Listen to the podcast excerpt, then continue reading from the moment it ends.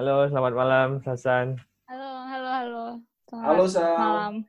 Halo, halo Mas. Mas apa Ya. Mas Solis? Pel, kali ini kita ngobrol sama siapa, Pel? Ngobrol sama orang yang spesial nih, karena jauh sekali lokasinya, Lis. Iya, Jadi, eh, kita ngobrol sama teman kita nih, yang sekarang sedang bekerja di negeri Paman Sam. Wah, iya. Di mana sih? dia Ya. Di Houston, Houston. Oh, di Houston. Iya. di Houston. Itu sebelahnya condet dikit lah, Lis. Udah berapa lama? So, udah dua, hampir dua tahun ya? Ah, tiga sekarang, nggak kerasa udah tiga ya. tahun ya? Heeh, Tiga tahun? Tiga tahun. Heeh. Oke. oke. Terakhir, Jadi, hmm, Ya, jadi Sausan ini kan dia geologis nih, Liz. Buat teman-teman podcast kita juga yang belum kenal Sausan, dia Dulu. adalah seorang dulunya geologis, sekarang ya nanti Iya. kita tanya ya. Iya, Siap, nanti kita Kita tahu kan kita dia bongkar. geologis nih, geologis eh, lebih muda dari gua, sudah berkeluarga. Setahun Eh, lebih muda dan- dari aku, Pel. oh iya. Oh iya, ya berarti Iya. muda sekali ya. Oh, Dan eh, dia juga podcaster juga. Jadi dia Oh, punya iya. podcast namanya Blak Blakan. Jadi buat teman-teman yang pengen kenal lebih dekat sama Sausan bisa langsung ke podcastnya nanti. Ada Nah, kalau sekarang- juga dia. Ya. Jadi eh, Sausan sekarang udah merambah ke berbagai macam media ternyata ya. Jadi- Oh iya iya. Sampai lupa. Iya iya iya betul betul. Ah, lagi sibuk jadi ini baru dua episode yang di YouTube gitu, Mas. Oke oke. Intinya sih kita malam ini pengen ngobrol-ngobrol eh, banyak dua Sausan terkait Siap. uh, Siap. uh, kabarnya di sana seperti apa Hmm. dan uh, nanti kita juga ada perwakilan netizen juga yang mau tanya-tanya nitip pertanyaan kita langsung hadirkan di sini. Jadi Oke. sekarang uh, Holis ada yang mau ditanyakan duluan ke Sa- Sausan? Ya, gimana eh, kerjaan di tengah pandemi corona ini? So, kerjaan Wah. kantor. Iya, memang ya kantor em, ini pertama saya ceritain dulu kerjaannya atau gimana Mas? Eh, tapi Boleh. memang kerja sih tidak berkurang karena iya jadi work from home nggak work from home kayak malah kalau menurut saya work from home jadi lebih banyak ya karena Hmm. nggak banyak meeting nggak banyak ngobrol jadi tapi kerjaan tetap banyak tapi eh, alhamdulillah sudah sebulan sih kami work from home dari awal Maret Eh, waktu pertama Houston itu jadi waktu Indonesia kasusnya masih aku ingat em, jubirnya ya eh, ngumumin 10 waktu itu Mhm. ya yang masih dihitung satu-satu kasus satu kasus dua Mm-mm. Nah itu di tempat aku udah puluhan waktu itu. Habis itu seminggu setelah itu uh, Houston udah declare emergency karena udah ada local transmission, sekolah tutup. Itu kira-kira dua mingguan sebelum Jakarta. Jadi Oke. sekarang sih udah uh, stay in order. Jadi memang nggak boleh keluar kecuali kebutuhan esensial. Nanti Oke. mungkin nanti bisa di stop polisi harus ngasih surat segala macam. Hmm. Jadi aku nggak pernah keluar udah seminggu. Kalau belanja Udah makanan sebulan. masih boleh tapi kan ya? boleh, cuman aku takut sih. Jadi sk- delivery biasa ya, Eh, ada delivery. Begitu, delivery masih Eh, bisa ya? Bisa, bisa delivery essential worker. Jadi Hari ini ada kalau. Nggak Hmm. salah di Amerika kan tingkat kematiannya paling kasusnya juga Ya. paling tinggi ya? Iya, iya betul. Di 22.000 New York sih ya? terutama. Di New York Iya. itu ya? Parah sih. ha, ha. Kasihan deh. Iya. Oke. Sau, Ah, kalau kita kita di Jakarta sekarang kan uh, work from home-nya baru pertengahan Maret kemarin ya atau akhir Maret lah. hmm, dan itu Hmm. sampai April. Dan Sausan sendiri buat teman-teman tadi aku lupa jelasin dia dia bekerja di salah satu services oil company di uh, kantor uh, pusatnya di Houston sana. Uh, ya. Kalau kantor-kantor perusahaan migas di sini sih rata-rata juga gitu, work, work from home uh, ngikutin anjuran pemerintah. Nah kalau di sana Hmm. sendiri seperti apa pekerjaannya? Uh, apakah sudah lama work from home dan sampai kapan kira-kira? Sal? Ah, oke. Siap, Mas. Jadi kalau di kantorku memang ada dua, bisa dibagi dua orangnya.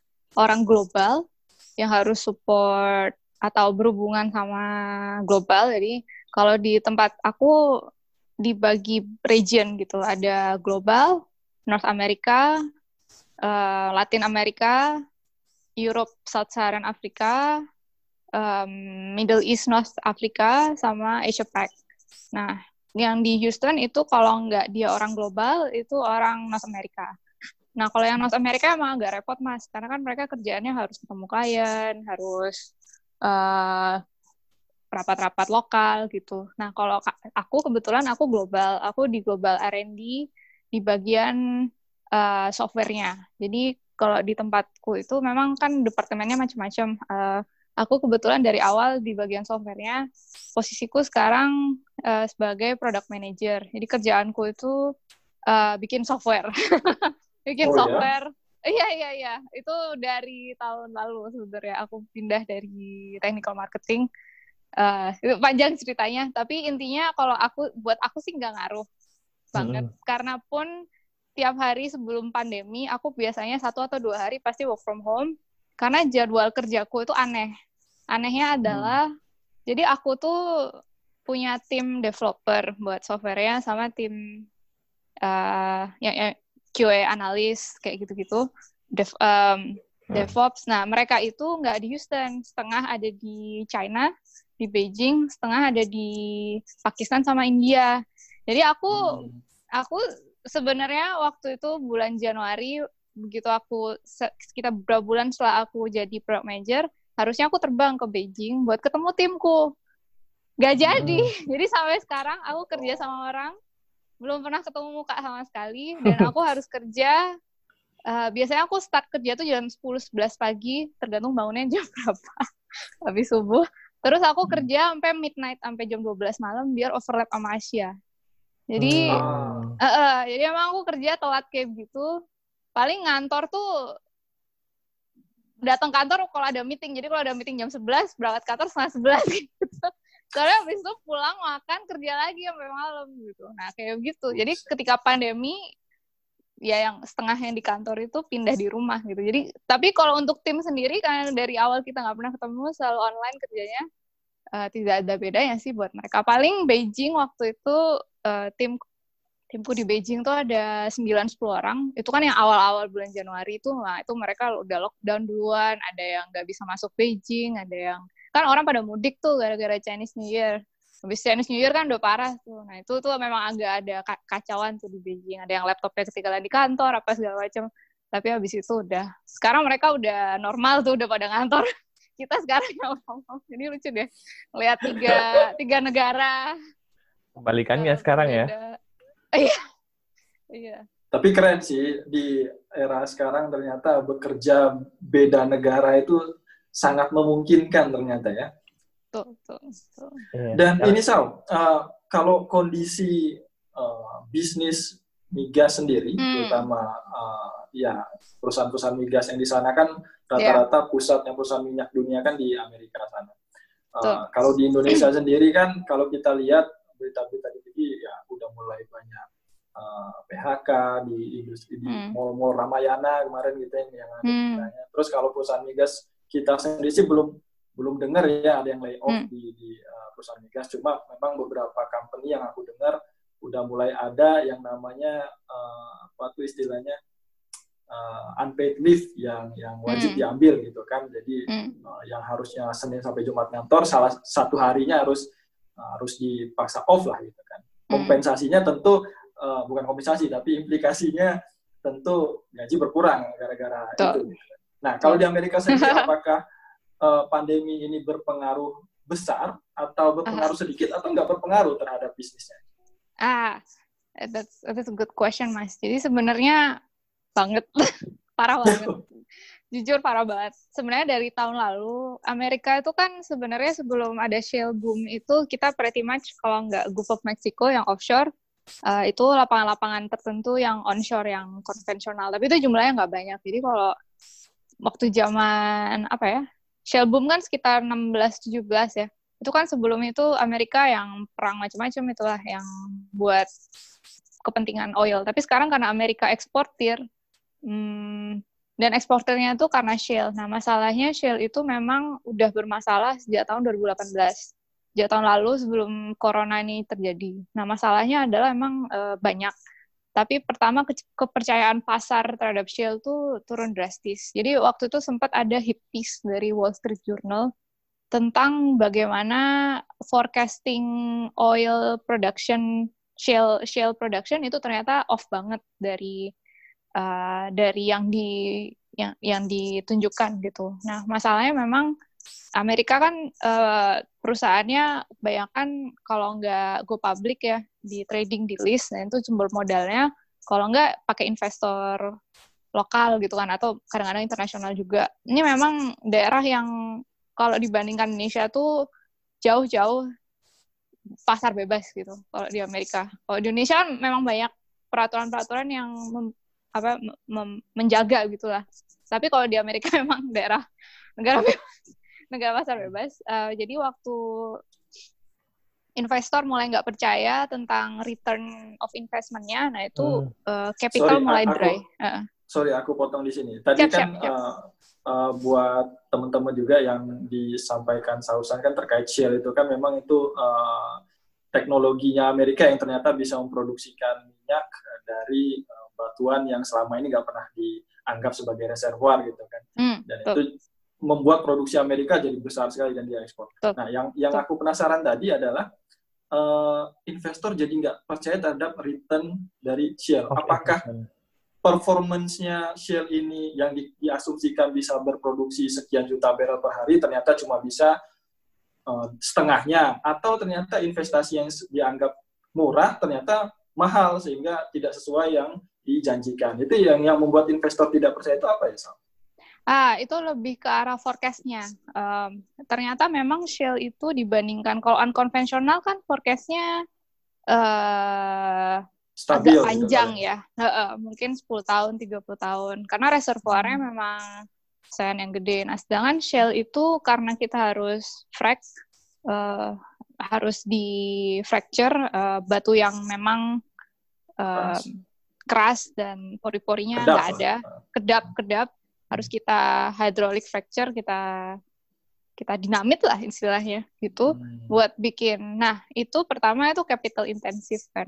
Uh, yang kedua karena seperti itu biasanya shell well itu awal-awal produksinya gede banget gitu, waktu awal-awal. Hmm. Tapi habis hmm. itu kalau misalnya nggak hati-hati produksinya uh, itu bisa keplak itu uh, fracture yang kita bikin. Jadi ya nggak wellnya bisa mati. Uh, oh, ada banyak masalah. Jadi waktu itu lagi rame frac hit segala macam. Nah Sedangkan yang investor kan tidak semua geologi, tidak semua production engineer yang kita kasih yang dikasih sama orang mungkin uh, bisa dealing uh, nanti aku kirim hit piece-nya Well Wall Street Journal yang cukup heboh waktu itu hmm. bahwa kurva yang bilang uh, waktu itu dia bilang kurva yang bilang oh ini nanti returnnya dalam dua tahun jadi segini. Tahun. Itu kan yang dipercaya investor kan begitu. Betul. Hmm. Ternyata dari data-data sumur yang sudah mulai banyak di tahun 2018, gitu kan karena boomingnya kan dua tahun lalu 2016, itu terlihat bahwa sebenarnya forecastnya itu super optimis gitu. Nah jadi oh, keper ah, ah, ah, ah, jadi ah, waktu itu sudah jadi, mulai turun. Uh, uh. Jadi yang, yang dijanjikan juga, tuh apa? Kalau bermasalah itu sel oilnya. Iya iya. Ya intinya uh, yang dijanjikan itu ternyata terlalu indah gitu ya. Iya, aktualnya ya, aktualnya lebih challenging. Oke, okay, uh, eh, lompat ke masalah ini tadi Sal. Uh, ternyata bisnis migas di Amerika sendiri sebelum corona pun udah mulai gonjang-ganjing tuh karena Betul. Uh, apa sektor shale gas tadi, shale oil tadi uh -uh. ternyata nggak sesuai harapan Ya. Ditambah corona, jadi seperti apa uh, sekarang? Wah, memang uh, sudah hancur-hancuran itu. Jadi waktu sebelum corona pun saham-saham kalau dilihat tuh saham-saham perusahaan yang operationnya banyak di shale itu turun drastis. Mungkin yang asetnya di Gulf of Mexico yang offshore nggak terlalu kena waktu itu kan. Uh, tapi yang shale itu sudah drastis kena corona, udah habis itu Saudi sama Rusia berantem, Rusia. Eh, itu sudah unprecedented. Jadi sebenarnya kalau tentang workernya sendiri, aku pun kena. Jadi tadi aku udah cerita Mas Alvel. Oh ya. Iya iya. Jadi aku kerja di uh, bisa dicek itu ada beritanya di udah diumumin sejak tanggal 18 Maret uh, waktu itu pengumumannya waktu ulang tahunku. Waduh. Sakit ya. ah, iya. Uh, ini, uh, jadi kalau di Amerika itu ada dua sistem. Uh, kalau nggak ketiga lah, ada fire. Fire kan dipecat ya. Layoff. Layoff tuh berarti dipecat bukan karena performance, tapi memang karena hal-hal lain. Yang ketiga furlough. Furlough itu kayak cuti wajib ya namanya kalau di Indo ya. Mm-hmm. Nah, kalau cuti paksa ya gitu. Nah, itu aku kena yang ketiga. Itu satu kantor, 3.500 orang di kantor aku, di kantor pusat um, itu jadwalnya gantian. Jadi satu minggu on, satu minggu off. Waktu off nggak boleh kerja sama sekali karena kalau kerja satu lima menit aja itu perusahaan harus bayar untuk satu hari. Itu peraturan dari pemerintah. Oke, okay. itu semuanya nah, selama tiga ribu lima ratus karyawan itu? Iya, ya satu kantor. Oh, Kecuali okay. beberapa kayak ada yang di exception itu misalnya yang cloud yang ngurusi operation oh, cloud hmm. buat yang lagi klien-klien lagi work from yeah. home itu full karena kan memang tapi mostly even bos-bos itu uh, bosku juga itu kena juga. Sedikit sekali yang exception. Ya. Yang berat berat lah zaman. Ya kita ber, kita juga ini ya apa berharap kondisinya tidak terlalu berlarut-larut kayak yeah. gini. Kalau kalau dari perusahaan uh, Sausan sendiri atau mm. ya bisnis yang sekitar sana apakah uh, apa ada apa semacam perjanjian gitu kan bahwa ketika hmm. ini uh, pandemi berakhir maka kondisi akan kita jadikan normal kembali sehingga memberikan harapan juga buat dan semangat buat karyawannya itu ada nggak sih Sal? Aduh gimana ya? Jadi mungkin ini beda culture bukan beda peraturan juga. Amerika itu memang uh, jadi kami itu kontraknya kecuali ada kontrak tapi dari pemerintah sendiri uh, nama kontrak kerja itu at will. Jadi at will itu artinya sesuka hati, sesuka. Itu oh, beneran, beneran itu kontraknya at will. Jadi kalau di Amerika pekerja itu boleh keluar kapan aja. Besok aku nggak show up itu juga nggak apa-apa. Oh. Jadi dua minggu dua minggu notice atau gimana itu kan dari perusahaan. Tapi kalau nggak dilakukan itu nggak melanggar hukum. Pekerja eh, uh, employer itu bisa memecat kapan aja tanpa alasan apa pun kecuali diskriminasi. Jadi kalau diskriminasi karena gen apa rasis apa sara ya, sara itu nggak boleh. Itu bisa dituntut di pengadilan. Tapi selain itu nggak apa-apa. Jadi memang at will dari awal. Um, kecuali ada kontrak yang mengikat antara dua belah pihak. Nah, itu bedanya kalau di menurut saya sebagai orang Indonesia ya uh, di Indonesia memang peraturan pelindungan pekerjanya jauh-jauh lebih bagus untuk pekerjanya, oh. ya kan? Karena PHK ada peraturan pemerintah harus oh, pesangon. Ya. Di sini nggak ada pesangon-pesangon itu kan gak, tidak diwajibkan pemerintah. Itu Indonesia udah di demo. Ya. ya. Yang omnibus ya. ya. Makanya mau dibikin begitu-begitu. Jadi fire okay. kapan pun tidak masalah. Jadi dari awal memang um, not not in the employer's best interest buat janji-janji kayak gitu sih kalau di Amerika ya gitu jadi sementara sih tidak ada janji tapi nanti kita lihat aja oke okay, tapi so. sebagai uh, ya yeah. gitu uh, apa Sausan ini kan awalnya seorang geologis kan iya, kemudian yeah. Iya. Uh, pindah sebelum jadi product manager sekarang kan jadi apa technical marketing ya iya Ya. Nah, itu uh, apakah setelah pindah ke Houston langsung jadi technical marketing, kemudian ada jenjang karirnya jadi product manager atau karena suatu hal bisa kemudian berpindah-pindah gitu, Syaf? Nah, ini agak panjang, nggak apa-apa nih Mas cerita ya. Mungkin aku ya, ceritain singkatnya full, aja. Ya. singkatnya aja. Oh ya udah. Uh, jadi memang uh, aku lulus itu pingin jadi geologis. Um, tapi memang waktu itu memang rezekinya masuk ke service company bagian software. Nah memang awalnya itu ya kan lulus aku lulus teknik geologi UGM kan. Terus masuk awalnya aku memang pegang software geologi dan juga spesi spesialisasiku waktu itu geomekanik. Awal-awal karir aku kental banget geomekaniknya.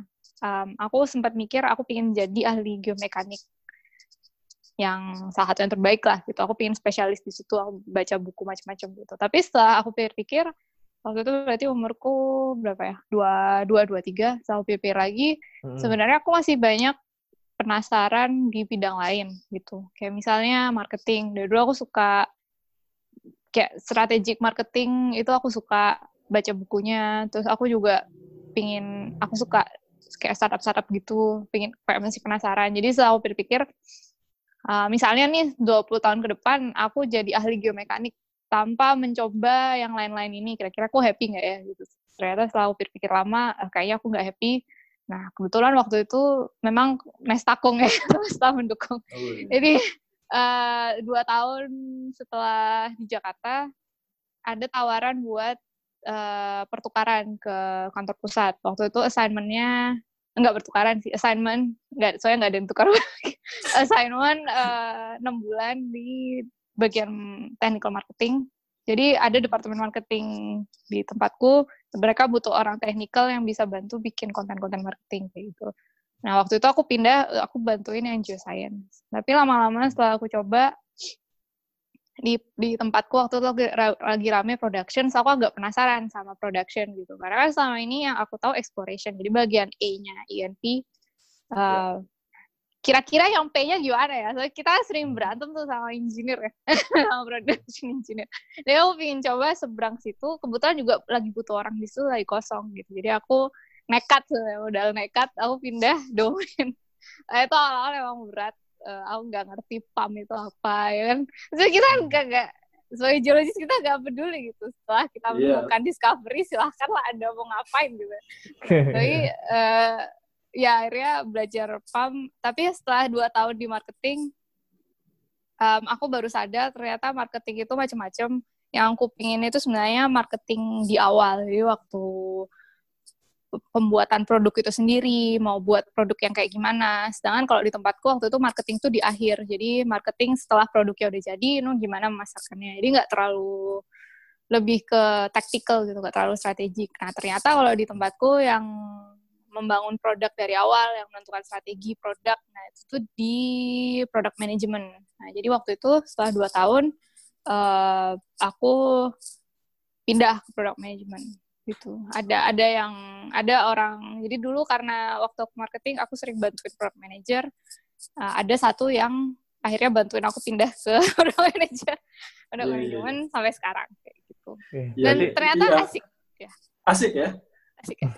Gue butuh dengar komen asik kayak gitu soalnya Sal. Karena gitu kalau ya? gue pribadi, karena gue pribadi, gue melihat pilihan yang lu ambil itu uh, akan gue ambil juga kalau oh, gitu? kalau kalau ada di kalau ada di posisi itu ya. Karena ah. untuk zaman sekarang menurut gue sih uh, akan lebih mudah survive ketika uh, portofolio pribadi kita itu lebih kaya menurut gue hmm. dibanding hanya fokus di satu uh, bidang kan, jadi yeah, spesialis yeah. gitu. Tapi ketika ada bidang ilmu lain kayak Holly sekarang S2-nya apa coba? Ilmu komunikasi kali ya? ah iya, oh, keren banget. Pas banget punya podcast ya. Yoi, jadi so. jadi uh, ya mungkin perspektif orang beda-beda ya. Tapi kalau gue pribadi lebih lebih suka perspektif yang luas tadi kayak pilihan hmm. yang diambil tadi menurut gue bagus dan ketika lu bilang itu asik, ya Berarti, semakin inilah semakin yeah. yakin kita untuk meniru apa yang Sausan itu itu, itu. Eh, dulu kita nah, mikirnya uh. Sausan bakal jadi salah satu ahli geomekanik di Indonesia lah ya yang saya kira juga lah. begitu berarti sekarang uh, apa uh, software yang dibikin sendiri itu apa so ada spesifik apa semua software nah ini memang menarik. Jadi uh, awalnya memang uh, bahkan justru jadi kan aku sudah pindah dari geoscience ke production. Sekarang aku pindah ke data management. Jadi data data layer ya. Dan sekarang nambah data layer. Waktu itu memang data layer untuk production, tapi sekarang data layer buat reservoir um, simulation juga gitu. Hmm. Jadi kalau di tempatku software kan banyak ya. Aduh, aku nggak ngitung, tapi mungkin ada puluhan deh. Nah, itu kalau pembuatannya dan maintenance-nya itu dibagi berdasarkan domain. Jadi ada uh, drilling, production, economics, reservoir, uh, geoscience, geofisik macam-macam gitu kan. Nah, kalau di grupku itu grup di, di, di, digabung tiga production reservoir economics. Aku masuk tim production. Nah di tim production itu ada tiga ada bosnya satu yang bos production terus tiga product manager. Aku pegang production surveillance. Jadi production surveillance itu production bagian data sampai uh, visualisasi data seperti itu hmm. kira-kira begitu diagnostik juga uh, temanku ada orang Brazil dia pegang workflow automation. Uh, jadi kalau workflow automation tuh untuk otomasi workflow production, misal forecasting di automate atau apa di automate. Nah, itu tuh kerjaan dia buat bikin hmm. barangnya. Nah, temanku satu lagi itu orang Rusia tapi di Kanada, dia pegang engineering. Jadi dia pegang science-nya. Jadi dia yang research dan bikin algoritma fracturing modeling, yang modeling-modeling gitu yang buat production dia. Jadi pembagian kita seperti itu. Nah, di aku jadi aku pegang ada dua sebenarnya ada empat barang, tapi um, barang ada empat software. bisa dibagi dua. Yang satu data management, yang tiga itu surveillance. Uh, surveillance tuh visualisasi, um, alokasi, alokasi sama uh, ya mostly visualisasi sih visualisasi okay. kedua ini ya jadi Sal uh, malam ini itu kita nggak bertiga aja Hah, oh gitu jadi, jadi sebenarnya kan uh, Sausan ini kan uh, salah satu contoh uh, geoscientist muda yang berhasil berkarir di luar gitu kan. Oh. Nggak banyak orang-orang yang seusia kita gitu kan yang bisa berkarir sampai ke Houston sana. Jadi hmm pas kita cerita mau wawancarain Sausan itu kita juga lihat tuh banyak yang komen juga pengen ikut oh, gitu. tanya. Ah, kita kita pilihin netizen netizen paling julid dengan komentar paling jahat. Nah, Wah, kita ini GM pasti, kalau enggak ITB. Kita pilihkan untuk hadir malam ini. Udah udah hadir belum list mereka list? Oke, okay, sekarang udah bergabung nih sama kita dua netizen julid yang kita pilih gitu kan dengan komentar komentar terjahat sih. Perkenalkan halo. diri dulu dong. Kalian siapa ini sebenarnya? Uh, halo, saya Andri. Halo, Andri. Saya Sarah. Halo, pada dengar? Halo, iya, iya. Satu ya, lagi siapa? Oh, ya. Satu lagi siapa itu? Andri, Andri Prabowo. Halo, iya. Prabowo. Dan satu selamat lagi malam, siapa? Geo Insight. Wih, selamat malam, Andri. Satu lagi yeah. Almira ya. Almira udah ter terhubung? Oh, malam, Almira masih Oh, udah, udah, udah. Malam Tadi juga, Mira. Udah, udah, udah. Lagi okay. Mbak Halo, halo Almira. Baik, ya, Mbak. jadi Almira dan Andri, sekarang kita udah sama Sausan, seorang geoscientist hmm. muda sukses yang berkarir di Houston sekarang. Um, kalian, Andri dulu deh, ada yang mau ditanyakan langsung nggak ke Mbak Sausan ini? Boleh, makasih Mas Afel. Pertama udah di-invite nih masuk ke video call Joe Insight ya. Oke. Okay. Oke Mbak Sarah. Uh, halo, aku, halo. Aku lulusan dari luar juga sebetulnya. Dari oh iya? Di Australia. Iya, dari Curtin oh. University Mbak. Ya. Yeah. Iya, jadi aku tuh masih bingung banget waktu mau milih karir aku, apakah aku mau hmm. berkarir di Indonesia atau mau uh, kayak Mbak juga ke luar negeri, hmm. coba peruntungan di negara lain kan. Uh, waktu hmm. Mbak milih uh, berkarir ke Amerika, pros and cons-nya yang Mbak pikirin tuh apa aja sih? Kenapa hmm. akhirnya milih mending berkarir di luar deh daripada di Indonesia? Padahal kan di Indonesia kita punya makanan favorit kita, keluarga hmm. dan lain-lain lah pokoknya banyak gitu ya. Aduh. Kangen-kangeninnya tuh banyak gitu. Betul. itu hal sulit bagi saya. Mungkin itu aja sih ada komen yeah. dari Mbak Sarah. Andri curhat juga ini ya kayak. Boleh mbak. Di sini udah malam soalnya sebetulnya. Saya mengerti perasaanmu. Memang hari-hari yeah. begini aku kerjanya googling ayam geprek terus gue liatin gitu kan. Sambil nonton mukbang ya mbak. Ah, iya, iya. Aduh ayam geprek baso udah lama. Iya betul. Um, jadi kenapa milih di Amerika? Um, hmm. Kenapa ya? Uh, karena memang kalau waktu itu keputusanku memang waktu itu berat uh, karena tahun itu harusnya tahun de tahun depannya aku ada udah udah mau nikah gitu kan akhirnya hmm. kalau misalnya aku berangkat waktu itu berarti setahun sebelum menikah long distance. Habis itu suamiku kan waktu itu di di lapangan di batubara waktu itu. Jadi kita dia dia sibuk karena dia di lapangan, aku juga. Nah, jadi memang keputusan yang berat. Akhirnya aku ambil karena aku kira ya udah, hmm, ya udahlah masih waktu itu masih dua empat. Um, ini boleh swearing nggak? Tapi F it gitu. It. Let me try gitu. What Bener what's the sih. worst gitu? What's the worst that can do? What that can happen? Aku pun waktu itu ceritanya Andri, aku udah di Jakarta dua setengah tahun sih. Jadi aku sudah sempat Oke. kerja Jakarta, terus pindah um, ambil kesempatan di US tuh.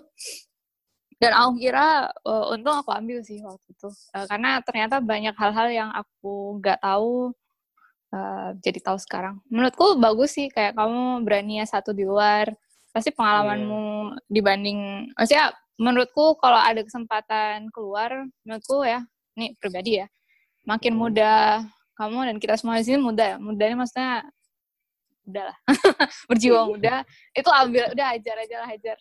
Hajar. Ambil nanti ya, Mbak. betul heeh. kayak waktu itu aku juga barusan ini pindah ke product management waktu itu juga banyak kegalauan batin gitu. Karena aku sebenarnya pingin yang lain waktu itu. Ternyata sekarang aku happy gitu. Jadi memang rasanya sih kalau dilihat-lihat ambil resiko yang agak tinggian sedikit kok rasanya returnnya lebih panjang gitu ya lebih bagus dari yang safe choices selama ini. Walaupun kadang-kadang kena burn juga sih tapi mostly mostly itu uh, returnnya lebih bagus. Jadi menurutku kalau ada kesempatan kamu take yang you you scared a Oke, jadi kayak Hmm. put the challenge ke kita juga ya jadinya. ya ya. ya, ya. Ya, I- I- I- Iya sih. Iya. Aku juga yakin umur kamu 24, bisa. Mbak. ah, Iya. Aku juga sekarang umur 24 betul ya. Dua empat enggaknya udah ke sana. Kita dua empat masih gini-gini aja ya. eh, Oh, enggak, kan enggak. journey sendiri Aku kan 24 karena 25. Ini gara-gara Covid aja belum keluar-keluar. Iya. 24 tambah Iya, 10. iya, Kita udah nyampe sana 24. juga kali ya, Mbak. Oke, Iya. makasih ya Mbak Sarah. siap siap siap Saran-sarannya. Thank you. Thank you Andri pertanyaannya. Jadi tadi eh, Sarah udah menjelaskan dengan sangat baik ya. Jadi mirip kayak apa yang pernah gua dengar juga nasihat dari orang-orang tuh. Kalau ada dua pilihan yang datang kepada kalian, pilihlah yang paling challenging sih katanya. Karena itu akan bikin eh, kamu eh, bertumbuh dengan lebih baik. Dan Sarah udah melakukannya. Berikutnya Almira, ada yang mau ditanyain nggak sama Kak Sausan? Iya. Iya Kak Sausan, Kak. Halo, halo halo Kak. Mau nanya Kak, kan kakak ini namanya kebetulan eh, kita satu almet nih kalau kakak tahu. oh gitu angkatan berapa Nama, iya. kita 2014, jadi kakak lulus, saya Oh. masuk. oh iya Iya. Nah, nama kakak tuh kan emang dari dulu udah mengaum banget tuh Oh, di gitu ya? kampus ya. Iya. Sampai ada Iya. prasastinya nggak di sana? aku baru di follow Pak Udin loh. Oh iya, bangga gue di follow Pak Udin iya itu kebanggaan. Terus kak, tips Iya, and iya. tricksnya tuh apa aja biar sampai eh, bisa sampai kayak gini gitu loh untuk eh, para fresh grad Iya. dan juga para yang Hmm. mungkin yang belum lulus juga kali ya kak. Soalnya dari yang aku lihat kakak juga Hmm. mencoba untuk nulis ya kak. Kakak juga senang buat nulis, Hmm. aku juga baca blog kakak tuh. Itu ada yang menarik di situ. kasih makasih ada yang ada yang menarik di situ yang tentang penyesalan yang tidak dilakukan. oh iya iya iya Mungkin itu bisa menjadi pembelajaran juga Baik. buat teman-teman lainnya Hmm. gitu ya yang belum Hmm. yang masih fresh grad atau masih di tahap kuliah atau sekolah bahkan gitu kak. Hmm. Hmm. Pas kan Chow kita pilih netizennya. Oh iya, luar biasa, luar biasa. Ketemu di mana kita tadi ya?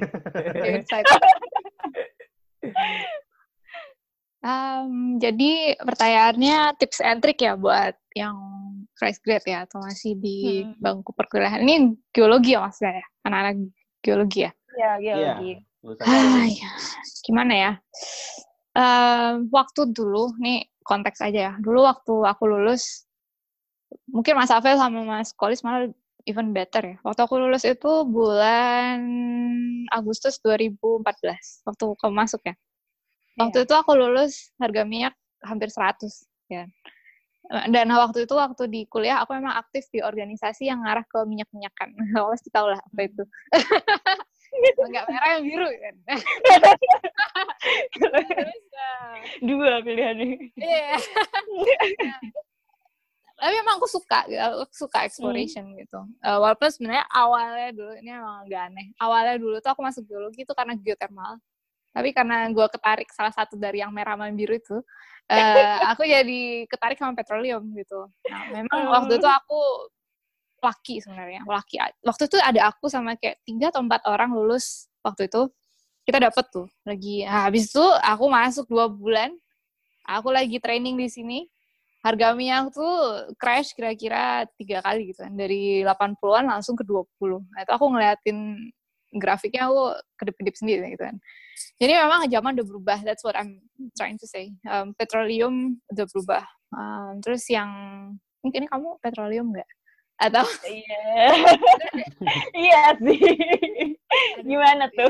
nggak apa-apa. Jadi sebenarnya ya, kalau menurut gua nih, um, kalau di US itu orang kaget aku masih S1. Sempet kayak bosku yang bagian seberang gitu tanya, oh lu S2 apa gitu? Terus gue bilang, ah, gue masih bachelor. Ah, lu masih bachelor gitu. Nah, karena memang even di US, S1 tuh gak bisa tuh jadi geologis. Minimal lu harus S2.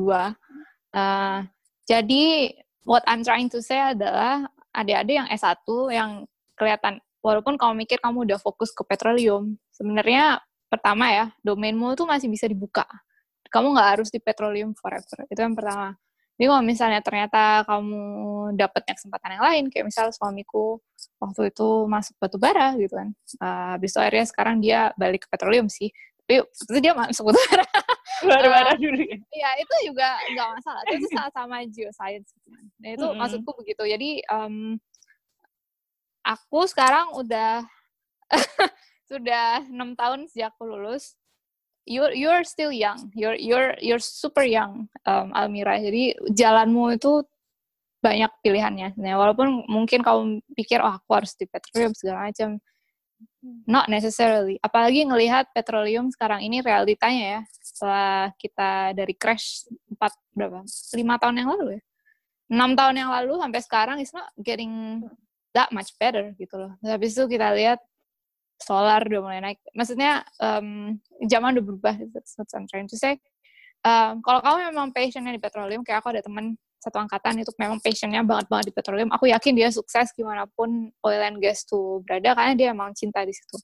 Cuman aku nih ya, em, aku pribadi em, waktu aku kira passionku di geoscience, eh sorry di geomekanik, ternyata gak juga gitu. Ternyata sekarang aku sudah empat tahun gak megang geomekanik tuh nggak apa-apa tuh. Malah aku pindah tuh production. Jadi um, kalau memang kamu mau ambil switch ke tempat karya yang baru atau kamu belajar programming atau kamu mau even mau jualan skincare nggak masalah menurut gua nggak masalah. Eh, eh, tidak ada jalan yang benar gitu. Yang yang jalan yang benar tuh jalan yang benar buat dirimu sendiri dan masing-masing punya jalan jadi kayak Andri bilang waktu kamu bilang aku umur 24 udah di sini aku bisa bilang aku menurutku aku kalah banget sama yang bikin Traveloka waktu dia umur 23 waktu dia balik ke Jakarta terus tinggal di apartemen. Aku baca cerita itu dia tinggal sewa apartemen satu tahun nggak pernah keluar buat bikin Traveloka versi 1 tahun 2013 aku iri sama dia karena dia berani waktu umur 23 ambil keputusan seperti itu gitu kan. Jadi memang jalan orang beda-beda gitu. Uh, bandinginnya sama kamu sendiri aja gitu.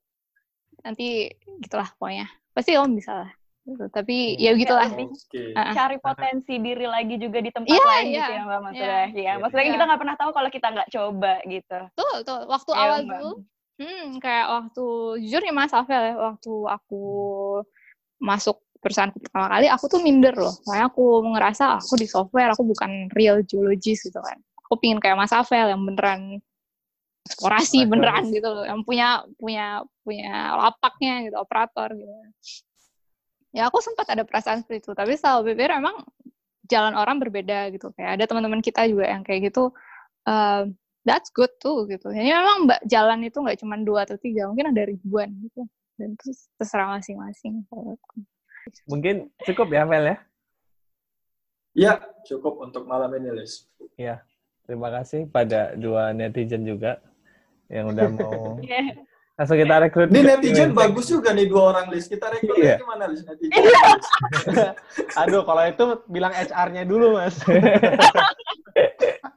Ini Boleh, boleh, boleh, Pel. Boleh nanti langsung kita masukin aja ya. Waduh. Bajunya dulu ya. Jadi kirim ya? member. Eh iya betul betul. Bajunya dulu. Sausan, thank you ya atas waktunya Ya, thank you Mas Kolis. di tengah Ya, kesibukannya. makasih, Mbak. Makasih Mbak Sausan. Ya, makasih Almira, makasih Andri.